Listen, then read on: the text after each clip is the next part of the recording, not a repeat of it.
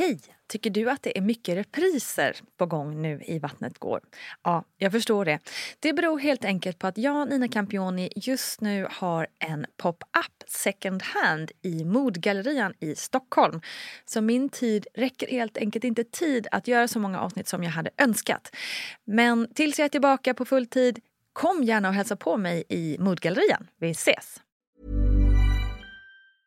Cool fact a crocodile can't stick out its tongue. Also, you can get health insurance for a month or just under a year in some states. United Healthcare short term insurance plans, underwritten by Golden Rule Insurance Company, offer flexible, budget friendly coverage for you. Learn more at uh1.com. Hey, I'm Ryan Reynolds. Recently, I asked Mint Mobile's legal team if big wireless companies are allowed to raise prices due to inflation. They said yes. And then when I asked if raising prices technically violates those onerous two year contracts, they said, What the f are you talking about, you insane Hollywood ass? So to recap, we're cutting the price of Mint Unlimited from $30 a month to just $15 a month. Give it a try at mintmobile.com slash switch. $45 upfront for three months plus taxes and fees. Promo for new customers for limited time. Unlimited more than 40 gigabytes per month. Slows. Full terms at mintmobile.com. As humans, we're naturally driven by the search for better. But when it comes to hiring, the best way to search for a candidate isn't to search at all. Don't search, match with Indeed. When I was looking to hire someone, it was so slow and overwhelming. I wish I had used Indeed. If you need to hire, you need Indeed. Indeed is your matching and hiring platform with over 350 million global monthly visitors, according to Indeed data, and a matching engine that helps you find quality candidates fast. Ditch the busy work. Use Indeed for scheduling, screening, and messaging so you can connect with candidates faster. And Indeed doesn't just help you hire faster. 93% of employers agree Indeed delivers the highest quality matches compared to other job sites, according to a recent Indeed survey. And listeners of this show will get a $75 sponsored job credit to get your jobs more visibility at Indeed.com slash podcast. That's Indeed.com slash podcast. Terms and conditions apply. Hej kära du och välkommen till ännu en VG-plogg. Nina Campioni heter ju jag och jag, jag tänker att vi går rakt på sak för idag ska vi prata om amning, detta otroligt laddade ämne. Och jag har själv en väldigt okomplicerad relation till amning. Kort och gott, det funkade toppen. Och så är det ju för vissa medan det för andra blir en superfight. Och man vet ju inte innan på förväg liksom hur det ska gå eller att det ens kan bli ett problem. Jag minns att vi satt där, jag och min man Simone på föräldrakursen och lyssnade till en barnmorska som med en boll och en docka visade hur amning gick till. Man lyssnade ju sådär men ändå inte. För hur skulle man kunna fatta? En docka är ju långt ifrån samma sak som en livslevande skrikande bebis. Och en gummiboll är ju verkligen inte samma sak som ett bröst som ömmar och varar och är stor som en vattenmelon. Och när jag väl låg där på BB och skulle försöka pumpa igång mina bröst så ringde jag på en barnmorska för att få lite coachning. In kommer barnmorskan som visade sig vara Ja, just det. En man. Gullig och duktig som han var så försökte han ändå utan att själv, tror jag, inse humorn i det hela. Han försökte alltså förklara och visa utan att direkt fysiskt på mig visa hur jag skulle göra. Och att se en ung man stå och luftmjölka sina icke-existerande svullna bröst lyfte ändå den dagen ett snäpp, minst sagt. Ja, jag och många med mig tror någonstans att bebisarna helt enkelt vet hur de ska göra och att det löser sig automatiskt. Men riktigt så enkelt är det ju inte. Och nu gick det ju ändå väldigt bra för mig med amningen men jag hann ändå få ett rejält sugskav på ena bröstvårtan då Essie tydligen sög fel där i början. Och sugskavet det gjorde att jag grät och skrek högt varje gång som det var dags att amma på just det bröstet. Ja, säkert upp till två veckor gjorde det sådär otroligt ont som inte går att beskriva för någon som inte känt smärtan själv. Och ändå anser jag då att min amning gick toppen. Ja, vi kvinnor, vi är ganska starka om man säger så. Vi klarar det mesta. Men en kompis till mig har jämfört amningssmärtan med sin förlossning och sagt att hon hellre gör tio förlossningar till än att amma igen. Och så illa var det absolut inte för mig men det överraskade mig ändå oerhört att amningen inte var den piece of cake som jag hade föreställt mig. Men när såret var läkt och Essie och jag kommit in i en bra rytm så älskade jag verkligen amningen. Inte för att det gav oss ett romantiskt och obrytbart band utan snarare att det var så jäkla smidigt. Man hade ju alltid maten med sig, som en livslevande Tupperware typ. Oerhört praktisk. Men hur fan känns det då för en kvinna när amningen inte funkar alls? Och hela samhället bara skriker åt den att amma, amma, amma, amma. Samtidigt som den skriker amma i det tysta för djävulen. För om jag ser dig sitta på ett café, nej då Ja, snacka om att damned if you do och damned if you don't. En annan kompis till mig blev helt deprimerad i kampen om att få igång sin amning. Mycket för att hon inte fick den coaching och den hjälp som hon så illa behövde. Eller kanske framför allt för att ingen inom vården sa nej, hörru, vänta lite här nu. Det är okej att bara skita i det också. För man måste faktiskt inte amma. Det är ingen lag på det. Och jag vill verkligen tipsa om avsnittet med Lina Thomsgård som pratar mycket om det här. Visst, Absolut. De flesta studier tyder på att det är toppen för bebisar att få modersmjölk. Så är det ju. Men det är inte toppen för en bebis att ha en psykisk och fysiskt nedbruten mamma som lider under pressen att amma trots att det bara inte funkar. Så om ingen annan sagt det till dig nu så tänker jag säga det. Det är okej okay att ta till flaskan. Ditt barn kommer klara sig fint ändå här i livet. Så det så. En annan kompis till mig valde självmant att delamma för att ge sin man chansen att också vara närvarande och mata sitt barn. De ville ha 100% jämställt föräldraskap. Därför kunde de också dela upp nätterna och ja, dela på allt helt enkelt. Och det är också ett sätt att göra det på. Och vad jag vill säga med det är att det är du som bestämmer, ingen annan. Så gör det som blir rätt för dig. Jag pratade med Elisabeth Hjärtmyr som är barnmorska och superexpert på just amning och hon har själv startat en amningsmottagning. Och henne intervjuar jag också i våran bok som heter Vattnet går i ett helt kapitel som handlar om amning och att mata bebis. Hur ska man förbereda sig?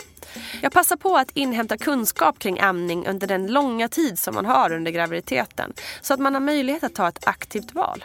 Till exempel kan det vara kunskap kring värdet av bröstmjölk för ditt barn, hur man ammar, att hud mot hud är en grundkunskap som alla föräldrar har rätt att få oavsett hur man vill göra med amningen sen. Och tips, hud mot hud funkar ju för alla föräldrar oavsett kön. Det är också bra att veta att efterfrågan styr tillgången. Alltså det underlättar att få igång amningen om barnet suger mycket i början. Och suger inte barnet mycket i början så är det bra att handmjölka själv för att stimulera mjölktillgången. För det händer ju faktiskt att barnet inte suger de första timmarna.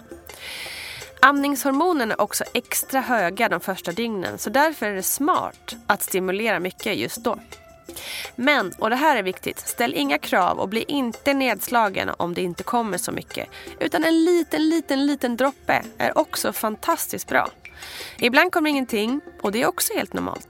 Men det är bra att försöka handmjölka för att stimulera till mer mjölk senare. Det är också bra att ha kunskap kring det nyfödda barnets beteende. Att de duttar med huvudet, slickar sig om munnen, greppar med händerna med mera. Om man läser dessa tecken på hunger hos ett nyfött barn så kan man hinna börja ta barnet till bröstet redan innan hen börjar gråta, vilket underlättar för alla. Det är också vanligt att bebisen tar en paus mitt i amningen vilket kan kännas stressande om man inte är medveten om det. En annan sak som är väldigt basic är att vila och dricka ordentligt. Man ser också att om partnern har kunskap kring amning och kan hjälpa till så är det stödet väldigt betydelsefullt. Alltså inte att partnern bara ska städa och laga mat utan också vara hud mot hud, lära känna och vara nära sin bebis. Det man också kan ta med sig är att det numera finns så mycket forskning kring amning så man kan vara trygg i att kunskapen som finns är en bra kunskap. Så, hur gör man då egentligen? Ja, så snart det är möjligt, ha barnet hud mot hud med bebisens mage vänt mot mammans mage. Se på sugbeteendet. Många barn suger inom de första två timmarna efter födseln. Men flera är också helt slut efter födseln och bara sover och då är det bra att ta till stimuleringen på egen hand. Många barn tar ett stort gap och ett rejält tag om bröstet vilket kan göra ont i början men ska släppa efter en stund. Om smärtan inte släpper så innebär det troligen att barnet inte fått ett bra grepp om bröstet och ligger då lite för långt ifrån. Kanske kommer bröstvårtan inte in så långt in i bebisens gom som den behöver. Man kan uppleva smärta om barnet inte får tillräckligt bra tag om bröstvårtan. Så tänk igenom din upplevelse och titta på bröstvårtan. Är bröstvårtan rund eller är den ojämn efter amning? Om den är ojämn, då har bebisen inte fått ett tillräckligt stort tag. Och när barnet suger så suger det först kraftfullt några tag för att sen ta en paus. Några nya tag och sen en paus. Så låt barnet ligga kvar tills det släpper helt eller eller somnar av sig själv. Och mamman, du kan sitta, du kan ligga på sidan, du kan ligga på rygg. Det är helt individuellt vad som passar dig bäst. Så utvärdera efter varje amning. Hur känns det? Och släpper smärtan efter några sugtag. Och innan du åker hem från BB, ta hjälp från personalen. De är där för att hjälpa dig och kan verkligen underlätta. Hur ofta ska man amma? Ja, barnet styr väldigt mycket de första dygnen. Men därefter är det 8-12 gånger per dygn eller ibland mer som barnet behöver suga. Den första tiden kan man behöva väcka barnet för att amma så att hen får i sig ordentligt. Ibland kan man tycka att det är både skönt och bra att barnet sover så bra i början. Men det kan också bero på att blodsockret är för lågt vilket gör bebisen trött. Så därför är det viktigt att få in amning även på natten. Hur länge ska man amma? Ja, med en fungerande amning så klarar sig barnet på enbart bröstmjölk och D-vitamin i sex månader. Det är också det som WHO rekommenderar. Men det är viktigt att inte se det som ett krav. Och vad ska man göra då om man helt enkelt inte får till det? Ja, om man gärna vill amma så gäller det att inhämta stöd tidigt. Börja med att prata med din BVC-sköterska. Men om man ändå inte upplever att man får tillräckligt stöd så gå direkt vidare till en amningsmottagning. Kolla också gärna in amningshjälpen.se. Och känner man att det inte funkar och man bara vill ge upp, så gör det. Det är okej. Okay. Och här kommer ett tips från Nina och inte från barnmorskan. Se till att ha en bröstvårdskräm hemma redan från början. Och kanske också ta med den till BB. För det är skönt att smörja in sina ömma och såriga bröstvårtor, det kan jag lova. Ja, att amma eller inte amma. Frågan är ständigt het och upprör, upprörande många alltså. Antingen ammar man eller så ammar man inte. Det borde kunnat vara punkt där men icke. Eftersom vi älskar att uppröras, irriteras, chockas, äcklas och allt annat som gör livet surt så sätter vi inte punkt där. För vi bråkar hellre. Vi stör oss på de som ammar för länge, vi chockas av de som inte ammar alls, vi blir förbannade på de som störs av amning och samtidigt så pratar vi bakom ryggen på de som släpper brösten fria. Herregud, varför är vuxna så förbannat barnsliga? Ha? Som om man skulle vara en sämre mamma för att man inte ammar sina barn. En del väljer att inte amma. Och vet ni vad? Det är varje kvinnas rätt att bestämma över sin egen kropp. Det är konstigt att det ska behöva påminnas. Genom podden Vattnet går så både träffar jag och hör väldigt många kvinnor berätta om hur dåligt de har mått av att amma. Och jag har lika många mammor och vänner som helt enkelt inte har fått igång amningen trots att de inte velat något hellre. Det funkar bara inte.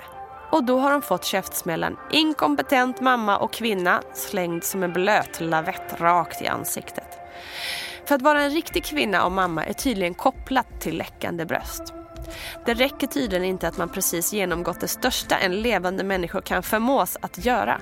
Nämligen att utveckla en helt ny varelse inom sin kropp och sen föda ut ett barn genom snippan.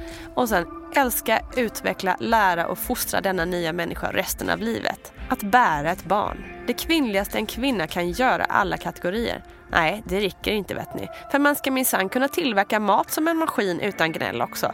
Annars är man minsann ingen riktig kvinna. Give us a break säger jag bara. Nej, amma om du kan och vill. Och går det inte eller vill man inte så mata ditt älskade lilla barn med en flaska istället. Håll ditt barn nära och ömt. Se det äta, se det rapa, se det växa. Säg att du älskar henne och krama henne ömt. För vet du vad? Det är det enda som verkligen betyder något. Och till alla er som anser att ni har rätt att lägga sig i hur andra människor sköter sina liv inom lagens ramar så säger jag bara chill the fuck out. Det var allt för denna gång av VG-ploggen. På måndag blir det ett nytt avsnitt. Ja, ja. Och då kommer Julia Servenius Liljerot och hon har gått igenom det otroliga att ha en hjärntumör samtidigt som hon var gravid. Missa inte det. Vi hörs snart. Kram!